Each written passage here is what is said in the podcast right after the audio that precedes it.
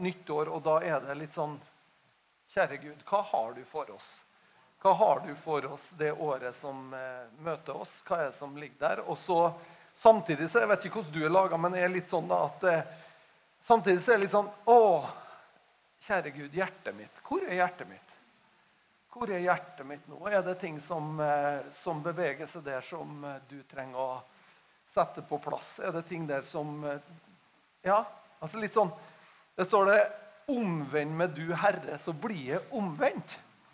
Eh, og så tror jeg at det å, å bli omvendt, det er vår største mulighet. For det handler jo om at vi er på feil, vi er på feil kurs.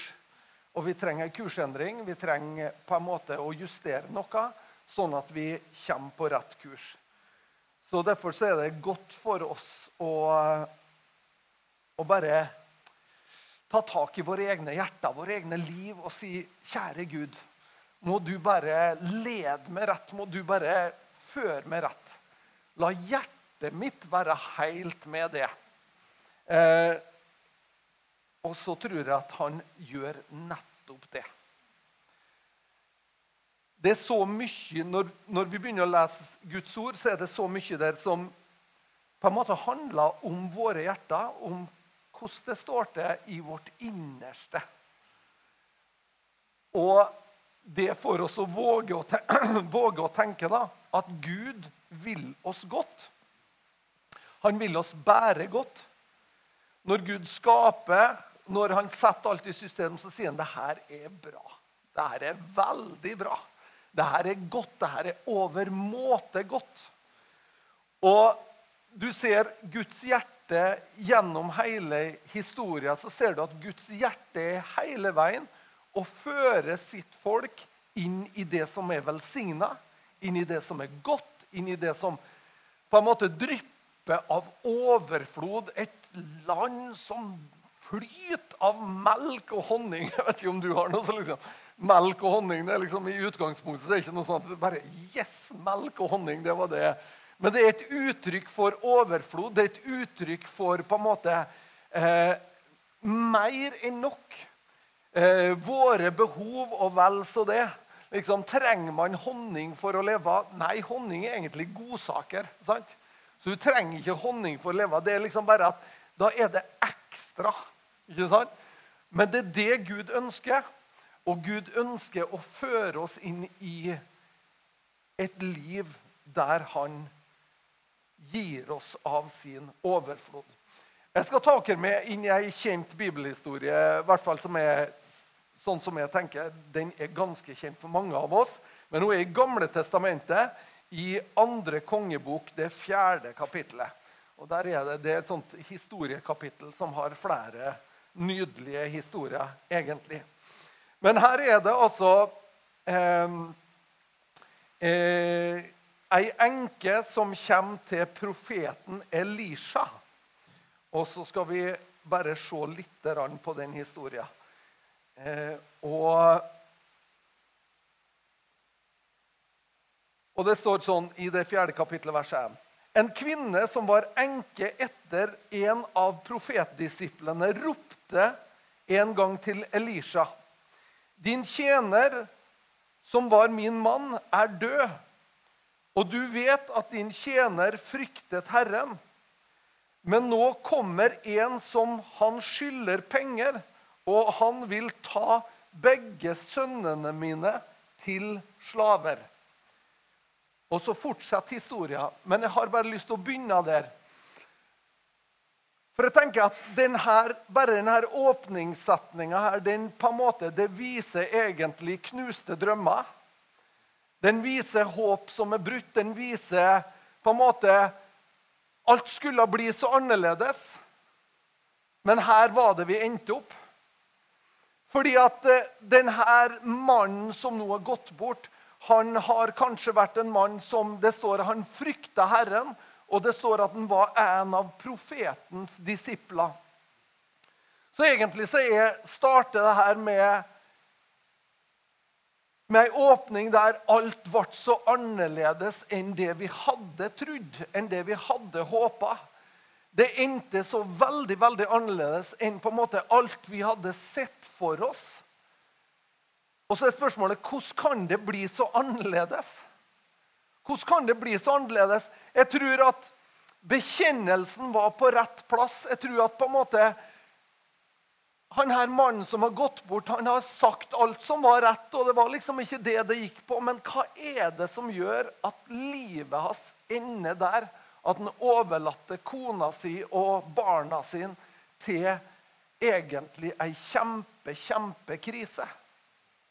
Og så tenker jeg, Er det noen gang sånn hos oss også at på en måte bekjennelsen vår, forventningene våre og det vi tenker at Gud skal være og skal bli i livet vår, det ligger på et helt annet plan enn den virkeligheten som vi faktisk befinner oss i?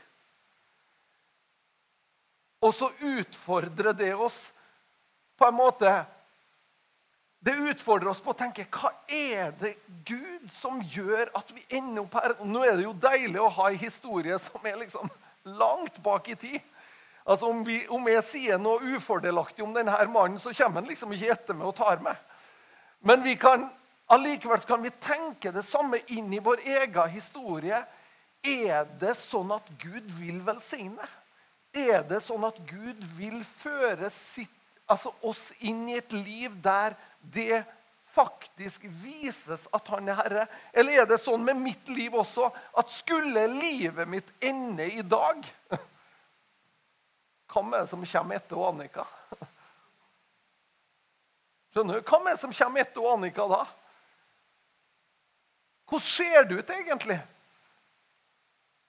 har på en måte drømmene våre, har det vi håper om, har det vi tror på, har det festa seg med rot i virkeligheten? Altså Har det festa seg sånn at det, det faktisk er velsignelse? Det er det livet som han snakka om, som på en måte manifesterer seg. Nå kan dette være utfordrende, men jeg tenkte, når jeg leste denne historien i går, så bare tenkte jeg at det er noe her som ikke stemmer. Når det står at mannen frykta Gud, og mannen var en av profetdisiplene, så tenker jeg at men det var et eller annet han ikke hadde forstått. Det var et eller annet som han ikke helt hadde fått taket på. Og da tenker jeg vet du, det må vi få taket på. Og så står det i eh, Jeg var en tur i eh, her Tidligere i uka så var en tur i 5. Mosebok, og så leste jeg det at og Gud han ville lære folket at Han ville at de skulle kjenne at mennesket lever ikke av brød alene, men av hvert ord som går ut ifra Guds munn. Gud ville lære israelsfolket det, og han vil lære oss det. At vi er avhengig av han. Vi er avhengig av at han åpenbarer ting og åpner ting for oss. Og så står det litt lenger ned i det samme kapitlet så står det når vi da lærer det, så kan han føre oss inn i et land som flyter over. Som har overflod. Sånn at det her henger sammen. Det at du og jeg kjenner at vet du, Hvor er det vi henter vår mat ifra? Hvor er det vi henter vår energi og kraft ifra? Henter vi den ifra Han? Hvis vi gjør det, så er det sånn at da kan han faktisk føre oss inn i et liv eller et land som flyter over, som strømmer over. Og det er litt sånn OK, så det henger i hop, altså. si til noen som sitter attmed. Det henger i hop. Det, det, liksom, det, det henger i hop, det her vi holder på med. Så vi er Så ordet som Gud gir oss, det gir han oss for at vi skal leve av det. Gud har, og Når han sier det, så er det jo, han har en oppsummering i 5. Mosebok eh, kapittel 5. Så har, så har han en oppsummering av de ti bud. Eh, fantastisk. Det er en oppsummering. Liksom, han, han, eh, Moses er på, er på avslutninga, ikke sant? og han summerer opp eh, de ti bud. Han har jo sagt dem tidligere, for de kom jo tidligere, men det er viktig å minnes om det. ikke sant? Og så summerer han opp, og så, i neste kapittel, kapittel 6, Så sier han at 'men', og så, og så, det, og så, og så kommer det her 'Herren'. Herren er én. Hør, Israel! Herren, han er én. Og så sier han og du skal elske Herren din Gud av hele ditt hjerte og av all din kraft og all din forstand. ikke sant? Så, og så kommer han i kapittel 7 og så sier han og ordet er gitt dere fordi at det er liv for dere. Og det her sammen, at vi elsker Herren, at vi tar imot Hans ord, det er det som faktisk fører oss inn i et land eller et liv som flyter over. Og da er det sånn at eh, Hvordan kan vi kjenne at vi lever ikke av brød alene? Og jeg tror, det, jeg tror det er ganske lett å kjenne. I hvert fall etter jula. Det Er noen som har vært mett i jula? Vi har vært mett i jula, sant? og vi kjenner liksom at vi et og vi et og vi et. Og til slutt vet du, så tenker du at er det, Var det dessert nå, ja? Er det nødvendig, det? Og så koser vi oss og koser vi oss, og så koser vi oss. Men så kommer det til et metningspunkt der du bare kjenner at Men det er jo ikke bare det her. Det er jo ikke bare det her. Det er jo ikke det her som egentlig metter meg. Det er jo ikke det her som faktisk er det som gjør at jeg tenker Wow, for et liv jeg har. Jeg kjenner at jeg trenger noe mer i livet mitt enn å bli mett i magen. Og nå kan jo vi si det som på en måte er så privilegert at det er nettopp sånn vi har det, at vi kan gå ifra bordet og vi kan være mett i magen så kan vi kjenne liksom at det er så privilegert er vi, og så kan vi være takknemlige for det. Men så må vi allikevel erkjenne at vet du nå, jeg kjenner at det her holder ikke for meg. Bare maten, det holder ikke. Det må være noe mer i livet enn bare maten. Gud, du må ha noe mer. Og da kjenner vi på en måte, da kjenner vi at det ikke er det der bare jeg lever av. Jeg lever faktisk av noe mer. Jeg er avhengig Gud av at du bringer livet mitt mening. At du bringer på en måte den dimensjonen som gjør livet spennende og verdt å leve. Og Når jeg tenker på denne mannen som på en måte avslutter på en sånn tragisk måte, så tenker jeg hvor er Gud i det her? Er det noen gang sånn med oss at på en måte bekjennelsen er helt rett, og alt er helt på plass? og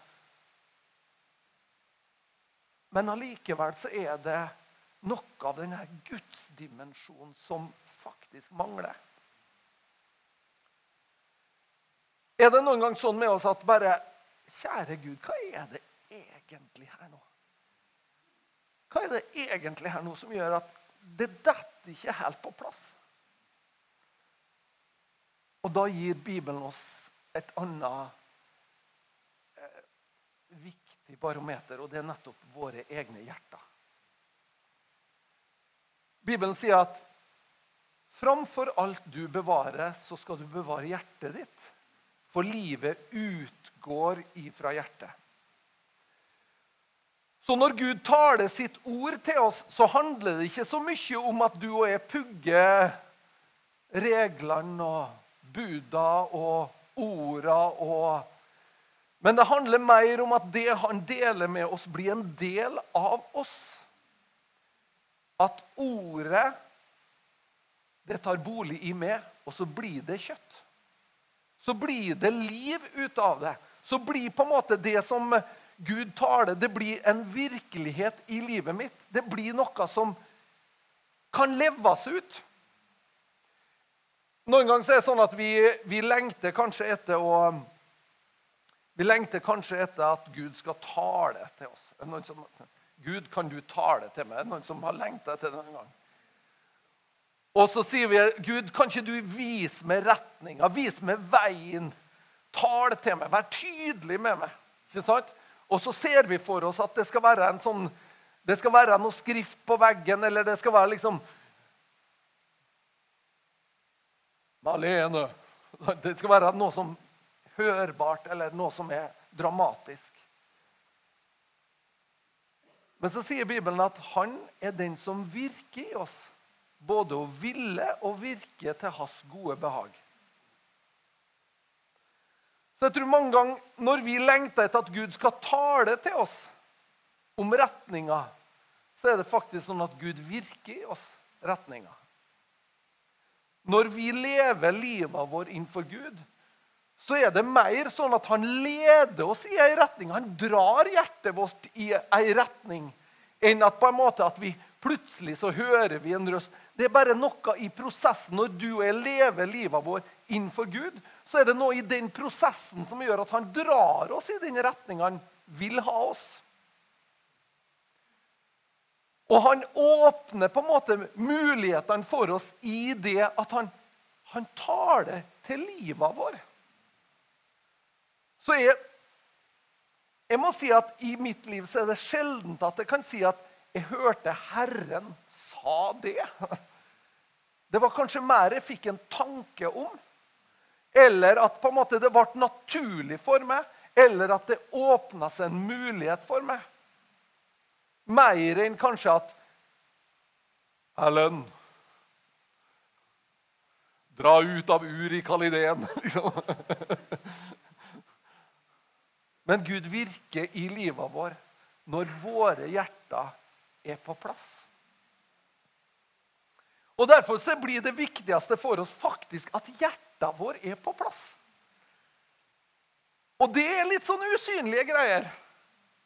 Det er litt sånn usynlige greier, For det handler plutselig om meg. Og det kan ikke engang handle om gamle vaner. Det kan ikke engang handle om gamle seire eller gamle opplevelser. Eller at ja, men 'jeg var jo på sporet i 73'. Det duger ikke i 93. Og ikke i 2019. Det holder ikke på en måte at jeg var på sporet en eller annen gang for lenge siden. Eller at det var det i fjor. For at han vil ha hjertet mitt i år. Han vil ha hjertet mitt i dag.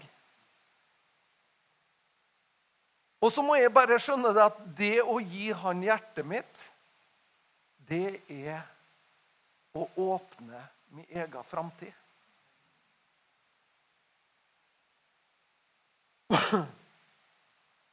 Det står i, i salmene så står det I Salme 20 står det Måtte han gi det gi deg det ditt hjerte ønsker, og oppfylle alle dine planer. Det er et sånt et vers som jeg tenker Noen ganger så tenker jeg om meg sjøl da måtte han bare ikke gjøre det.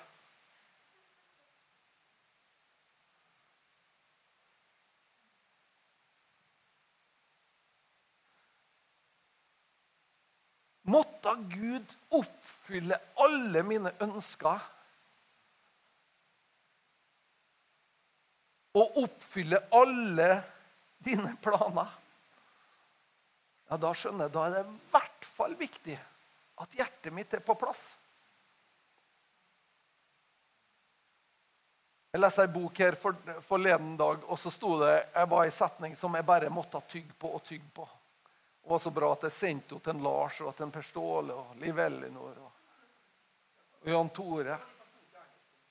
Nei, jeg skal fortelle. Det var det jeg skjønte, så Jan Tore måtte ha det på norsk. Og det var en sånn setning som jeg gikk med i flere dager, og så står jeg If God has your heart, you can trust your heart's desires. Om Gud har hjertet ditt, da kan du stole på ønsker eller lengsler eller begjæra du bærer på hjertet. Men hjertet vårt, hvis ikke Gud har det, så er det faktisk ingenting å stole på. For da kan det ville så mye rart. Og det er slettes ikke til å stole på. Men det er først når jeg tar hjertet mitt og sier vet du, Gud, omvend meg, du. Sånn at det blir omvendt. Berør meg, du, sånn at hjertet mitt er rent innenfor det. Og hvorfor trenger vi å ha et rent hjerte? Jo, for vet du, Et rent hjerte gjør at du og jeg har rene motiv. Det gjør at vi har rene lengsler. Det gjør at vi ikke bare ønsker å bygge vårt eget liv, men vi bygger Guds rike. Det gjør at hjertet vår, eh, om hjertet vårt er rent, så er livet vår større enn oss sjøl. Derfor så trenger vi det. At det her hjertebarometeret, det her målet altså det, her, det her måleinstrumentet som Gud har lagt i oss, at vi på en måte bare får lov å si Gud, jeg trenger på nytt igjen at du bare finstiller det her hjertet. Jeg husker jeg og Annika vi, vi, reiste jeg vet ikke om noen som husker, det var, det var vekkelse i Pensacola i Florida. Er det noen som er så gammel at de husker det? ja. Eh, jeg og Annika vi skulle, altså, vi skulle innsettes som pastorspar i, i, i, Kristiansund. Og så hadde vi en måned fri, og det var når det, det pågikk vekkelse i Pensacola. Og da tenkte vi en måned fri, da, og før vi skal inn i pastortjeneste, så er det sikkert ikke dumt å dra en sånn plass og så få del av det. Og Jeg vet ikke hvordan det er med det, men har du noen gang vært, vært der at du, eh, at du på en måte tenker at alt er i orden? Og når Guds ånd kommer, så viser det seg at alt var ikke i orden. Så vi, vi, reiser dit, liksom, og så tenker vi at ja, ja, vi er på, vi er på sporet. Vi, vi, er, vi, er, vi er liksom Vi har ting er på stell. og og hjertet vårt er på plass, og sånn og sånn. ikke sant? Og så kommer du inn, og så er det Den hellige ånd er der sterkt til stede. Og så plutselig så ser du livet ditt eh, i et annet lys.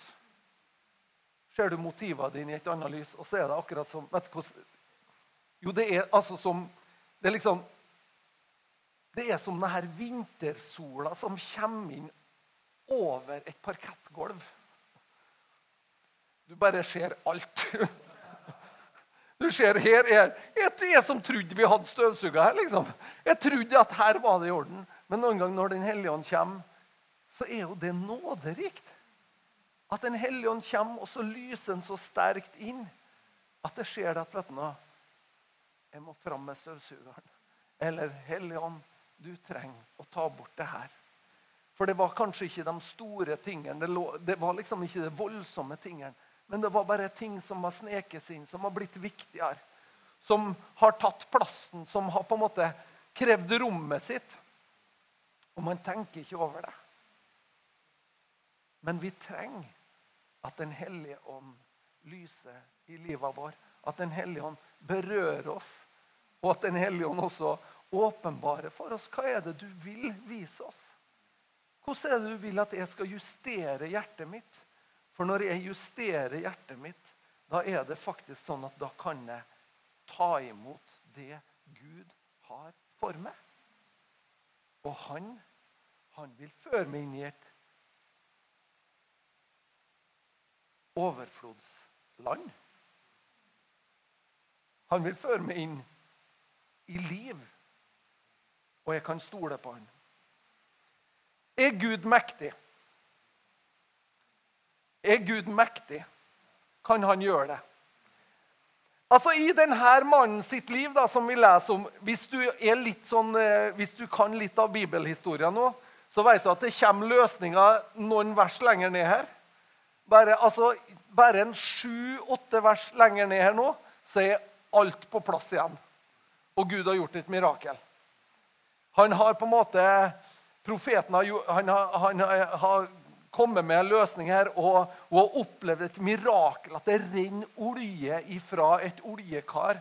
Bare, og det renner og det renner og det renner til det fyller alle de karene de har lånt inn fra naboene. Og det står at etter det så kunne hun gå og selge olja og gjøre opp hele gjelda.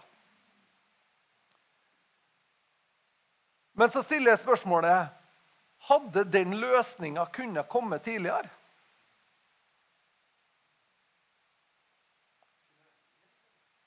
Hva? Ja, jo, altså, vi leser jo historier, og så tenker vi at det var en fin historie. Og løsninga kom i sin tid, for den kom. Den kom. Men kunne Gud ha kommet med løsninga når mannen levde?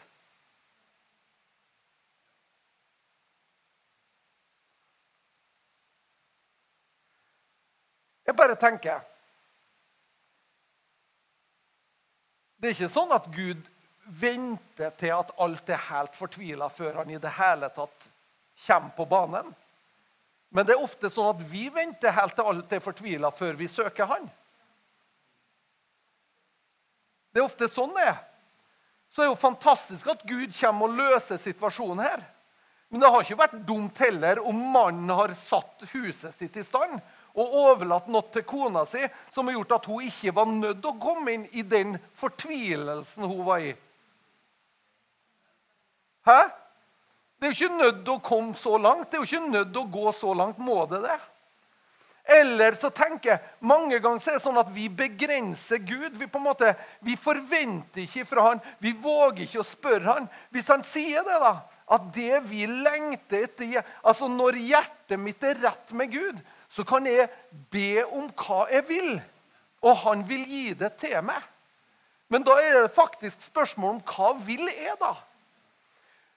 Når Jesus kommer ned mot Jeriko, så står det i historien, det står to forskjellige eh, beskrivelser. Men det står at det var to blinde som satt på vei inn til Jeriko. Så sitter de der, og så roper de på Jesus. Og så har vi denne historien der Jesus kommer bort til dem, og så sier Jesus hva vil de at jeg skal gjøre for det? Og så kjenner vi historien. Og så sier han, du, vet du nå, vi vil ha synet tilbake. Og ingen av oss er forundra over det. liksom. Men mange kristne vil, vil ha tenkt helt annerledes. Vet du hva vi, vi vil ha? Hva vil du? Ja, men du, Vi er blinde. Altså, du er jo snekker. Kunne ikke du ha spikka en blindestokk til oss, da? Eller du som er snekkersønn, du som er snekker Jesus. Kunne ikke du ha snekra i hvert en behagelig stol til oss? Sånn at vi har sluppet å sitte på marka da og tigd?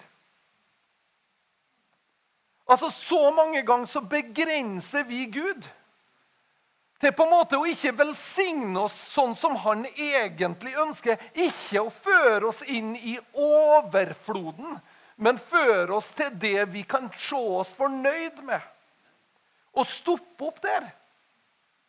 Fordi at krisa er ikke djup nok, eller fordi at vi er ikke fortvila nok. eller... Jeg hørte om en mann han, eh, han var i ei ulykke, så han skada handa si. Og Han skada handa si sånn at handa hans låste seg i ei viss stilling. Men han var lovsangsleder, og han var invitert til å lede lovsang på en stor konferanse. Så, og det her var liksom midt i samme veiva at han var liksom, han, handa var låst, så han kunne ikke spille gitar. Og så ber han til Gud, da. Gud, kan ikke du, kan ikke du bare helbrede eller flytte vinkelen på handa, sånn at det kan, sånn at det kan spille gitar? Og Gud gjorde det. Han kunne led, led lovsangeren. Men hvor dumt er ikke det, da? Å be Gud om å flytte liksom vinkelen på handa. Det er jo ikke så artig å gå rundt med ei stiv hånd. Du skal jo ikke bare spille gitar i livet. Hæ? Hvis Gud kan berøre handa sånn at vinkelen endres, så kan vel Gud helbrede henne fullstendig? Kan han ikke det? Jeg bare har lyst til å utfordre tankene våre. Jeg har lyst til å utfordre forventninga vår. For at når hjertet vår er rein innenfor Gud, da er plutselig, da åpnes mulighetene for oss. Så det å leve reint innenfor Gud, det er vår største mulighet. Det å leve i omvendelse, det å leve med bare pulsen av at Det betyr ikke at vi er fullkomne eller perfekte eller langt derifra, men det betyr at jeg ønsker i hvert fall. Jeg lengter i hvert fall. Fordi at når jeg er der, så har jeg en sånn positiv forventning om at faktisk det er det gode Gud har lyst til å lede meg inn i. Det er overflod, det han vil lede meg inn i. Det er muligheter, det er berikelser. det er på en måte, Han beriker livet ditt.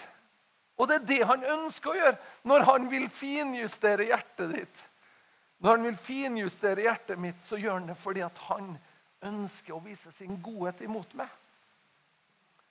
Når ordet utfordrer meg For ordet utfordrer meg. Når det utfordrer meg, så er det ikke for å gjøre meg ondt. men det er for å gjøre meg godt. Det er for å beskytte meg. Det er for å vise meg vei, for å lede meg. Tenk på det. Tenk hvor annerledes historien var. Altså, Det er god historie. Men jeg tenker så mange ganger så er det sånn at vi må inn i fortvilelse før vi begynner å søke Gud. Før vi begynner å venne oss til Han. Hør her. Det er godt mulig at uh, at denne profetdisippelen også har sitert de rette orda. Og jeg tror at kanskje hjertet hans var rett på mange områder. Jeg tror ikke det, det, det er ikke det heller som på en måte Men han hadde kanskje ikke forventninger på det. For noen ganger så kan vi være sterke i vi kan være sterke på områder i livet vårt. Det kan, det kan flyte godt ikke sant, på områder i livet vårt, og, og vi kjenner at Gud velsigner de områdene av livet vårt. Men så våger vi oss ikke inn på andre områder. Vi våger ikke å tenke at Gud kan bredde horisonten vår. At Gud er rik nok på alle områder av livet så tør vi ikke å innta nye områder. Så tør vi ikke å spørre Gud hvordan er det med det her, da? Tenk hvis vi kan, hvis vi kan bli litt sånn barnslig nysgjerrig på Gud. da. Hva er det som er mulig her, da? Hva, Fins det, det, noe jeg kan Eller er det Nei, du skal være Øyvind, du skal være interessert i lovsang. du. Der skal du liksom Der har du Altså, Vi er så lett for at vi lar oss båsette. da. At nei, det her feltet er ikke for deg. Nei, huff og huff. Og jeg, jeg, sier ikke at alle felt trenger å være for oss, men alt det Gud har for oss, det kan vi ta imot. Og faktisk er det sånn at det er lov å bredde vår horisont. Sånn at vi i hvert fall kan ta imot det Gud vil for oss. Så kan vi utfordre hverandre på det. Salme 1. Salig er den som ikke følger lovløses råd ikke går på synderes vei, ikke sitter i spotteres sete, men har sin glede i Herrens lov og grunner på Hans lov dag og natt. Han er lik et tre plantet ved rennende vann. Det gir sin frukt i rett tid, og, lov, og løvet visner ikke. Alt han gjør, skal lykkes. Det er litt av en målestokk Alt han gjør, skal lykkes. Har du noen gang tenkt om det sjøl? Alt jeg gjør, skal lykkes. Jeg husker at når jeg var nyfrelst, så, så hadde vi noe vi, vi, vi, hadde et ordtak, eller vi hadde en forkortelse vi kaller, kalte for eh, SPAP. SPAP. Vi var litt tøffe i maska. Vi, og det var SPAP det var altså seier på alle punkter. og så gikk vi litt med Herren, da, og så skjønte vi at det var kanskje ikke riktig så eh, lett. Det var liksom ikke bare å bekjenne høyt, men det var liksom et liv som skulle leves òg. Så, men, men allikevel så er det jo det det står. Om ikke vi erfarer det at alt vi gjør, lykkes, så tar det ordet om en mulighet for det en mulighet for at ordet kan berøre meg, livet mitt kan berøres på en sånn måte at det lykkes. At det lykkes, at han åpner det opp for oss. Jeg er så glad for at de blinde ved Jeriko ikke ba Jesus om en blindestokk.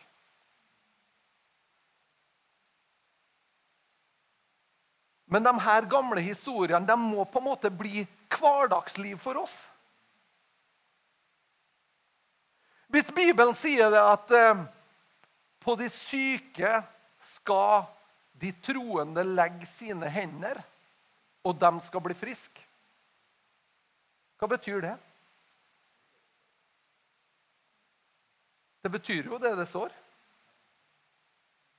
Ja, Er det noen spesielle troende? Er det, er liksom, er det A-laget?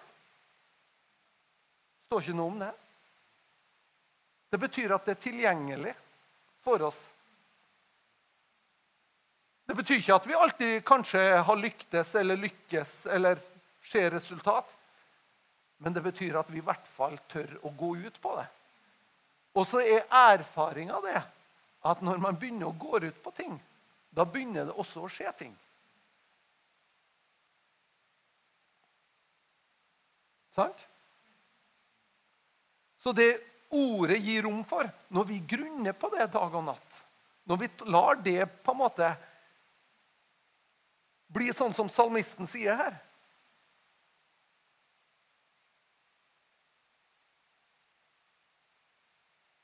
Så åpner det mulighetene for oss til alt det ordet taler om. Men så mange ganger så tror jeg at vi som Guds folk Vi slår oss ned ved det nest beste, altså. Vi slår oss ned ved småtteri, egentlig, av det Gud har tiltenkt oss. Og Derfor så tror jeg at vet du la horisonten vår utvides. Tror du at du kan be om noe som er for stort for Gud? Tror du at Gud sliter med at du ber for store bønner? Og Nå sier jeg ikke at du skal be bare for å be, men jeg, jeg sier at vet du, det går faktisk an at Gud berører dypet av livet vårt på en sånn måte at vet du, det bare sprenger begrensningene. Når vi går inn i et nytt år nå, så er spørsmålet hva skal det året hver. I Salme 65 så står det du kroner året med dine gode gaver. Dine spor flyter over av rikdom. Tenk hvis vi kan tenke om 2019 at 2019 skal være et sånt overflodsår. Det skal vises at Herren har vært med oss i 2019. Når vi ser på det året, skal vi kjenne at du, det var noe der. Det var noe i mitt eget hjerte, i mitt eget liv, som kneppa på plass på en sånn måte at jeg torde å stole på Herren. At jeg torde å ta imot det Han har for meg. At jeg torde å innta det. Jeg torde å be det ut. Kan vi ikke tenke det om at året skal være velsigna? At året skal inneholde noe som er av liv og velsignelse for oss. Skal vi våge å tenke det? Vet du, jeg tror i hvert fall at vi kan oppmuntre hverandre til å søke Herren og søke den på en sånn måte at vet du, det får faktisk ringvirkninger. Tenk hvis du kan være, Ikke bare tenk på det sjøl, men tenk hvis du kan være en sånn himmelport. At du kan være en himmelport, at folk kan komme til det for å møte himmelen.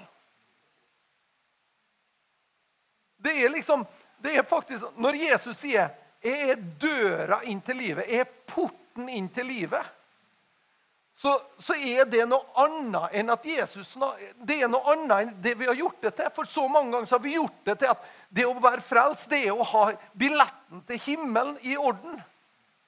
Det handler om liksom at ja, du er berga for evigheten. Når Jesus sier at han er porten inn til livet, så er det nettopp det. Det er ikke noe, er ikke noe sånn lekegreier. Det er virkelig livet han snakker om. Han er porten inn til å takle livet i 2019. Han er døra som åpnes for våre muligheter. Det er Jesus. Og Det er derfor det er viktig for meg at hjertet mitt er på plass. At hjertet mitt er mjukt, at det er bevegelig. Skal jeg kunne være Vet du at du strekker det etter at f.eks. mennesker du legger hendene på, blir friske.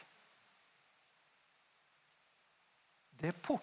Da blir du en himmelport for mennesker. Du blir en som mennesker kan komme til og oppleve himmel. Så det er ikke for din egen del heller. Det er ikke for at du skal liksom Oi, så spesielt det blir. Men vet du nå, når vi inntar det landet Gud har for oss, hva sier Bibelen da? Jo, Bibelen sier at når vi gjør det, når vi reiser oss i den herligheten som Gud har for oss, så sier Bibelen da kommer folkeslaga til det. Det vil si, da vil folk vandre etter det lyset som går opp over det. Og Det høres voldsomt ut, men det betyr i praksis så betyr det at kompisene dine begynner å få interesse for livet ditt, for det bærer noe mer enn bare det vanlige. Det betyr at kollegaen din blir interessert i livet ditt, for du bærer med deg noe, en duft av himmel. Men det funker ikke med ureine hjerter. Det funker ikke med delte hjerter. Det funker ikke med at vi Det er ikke så farlig. Og Jeg, vi, jeg, jeg, jeg sier ikke det liksom for at vi skal ransake og, og føle oss fordømt, men jeg sier at for at vi skal ransake og bli kvitt bli ferdig med. La det gå. Slipp det. Amen.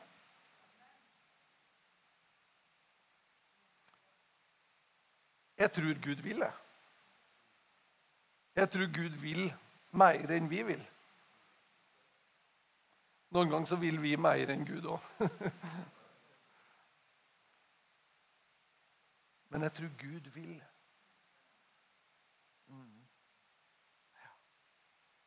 Jeg har bare lyst til at vi skal be sammen. Jeg takker Herre Far, takk for din godhet over hver enkelt av oss, Herre. Så takker jeg for dine muligheter, som er så langt mye større enn det vi ser, Herre. Jeg ber om at du skal berøre hjertet vår først og fremst, Herre. At du skal berøre, Berør dem på en sånn måte, Herre, at du renser våre motiver, og du renser våre tanker, og du gjør dem klar til å kunne bære din herlighet, Herre.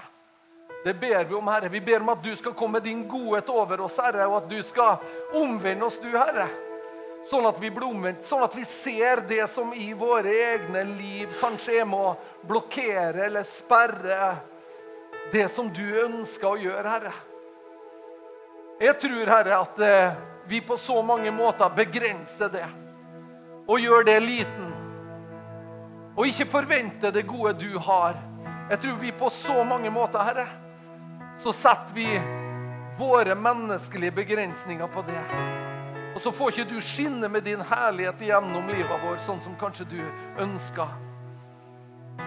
Og Herre, jeg ber om at vi ikke skal bare være sånn at det er fortvilelsen og det er når krisa er der, at vi søker det, Herre. Og det er bare når liksom, det var siste utvei vi søker det, Herre. Men at vi heller kan, som Bibelen sier, bare gå ifra herlighet til herlighet, ifra kraft til kraft, Herre. At vi kan eh, oppleve det at du er den som gir oss eh, framgang, Herre. Du er den som velsigner, Herre. Du er den som eh, bringer liv, Herre. Du lar året krones med herlighet, Herre. Og overflod. Jeg ber om det, Herre. Ber om at du skal sprenge våre begrensninger, Herre. Og så skal du vise oss dine muligheter isteden, Herre. Takk for din storhet. Og jeg takker at du berører hjertet vår, Herre. Takker for det, Herre. Takk at du tilgir oss. Du har tilgitt oss all vår skyld. Du har båret det for oss, Herre. Du har kjøpt oss fri, Herre.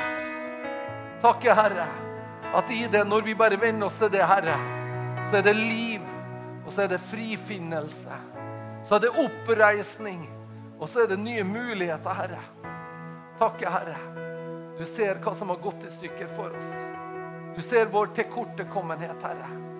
Men jeg takker, Herre, for at historia i går, den definerer ikke historia i morgen, Herre. Hvis vi ikke lar den gjøre det. Takk at vi kan få lov å se at du definerer framtida for oss, Herre. Jeg ber om det, Herre. I Jesu navn. I Jesu navn. Jesu navn. Vi ber for 2019. Vi ber for 2019, Herre. Vi ber om at du skal føre oss inn, Herre, i det nye året, Herre.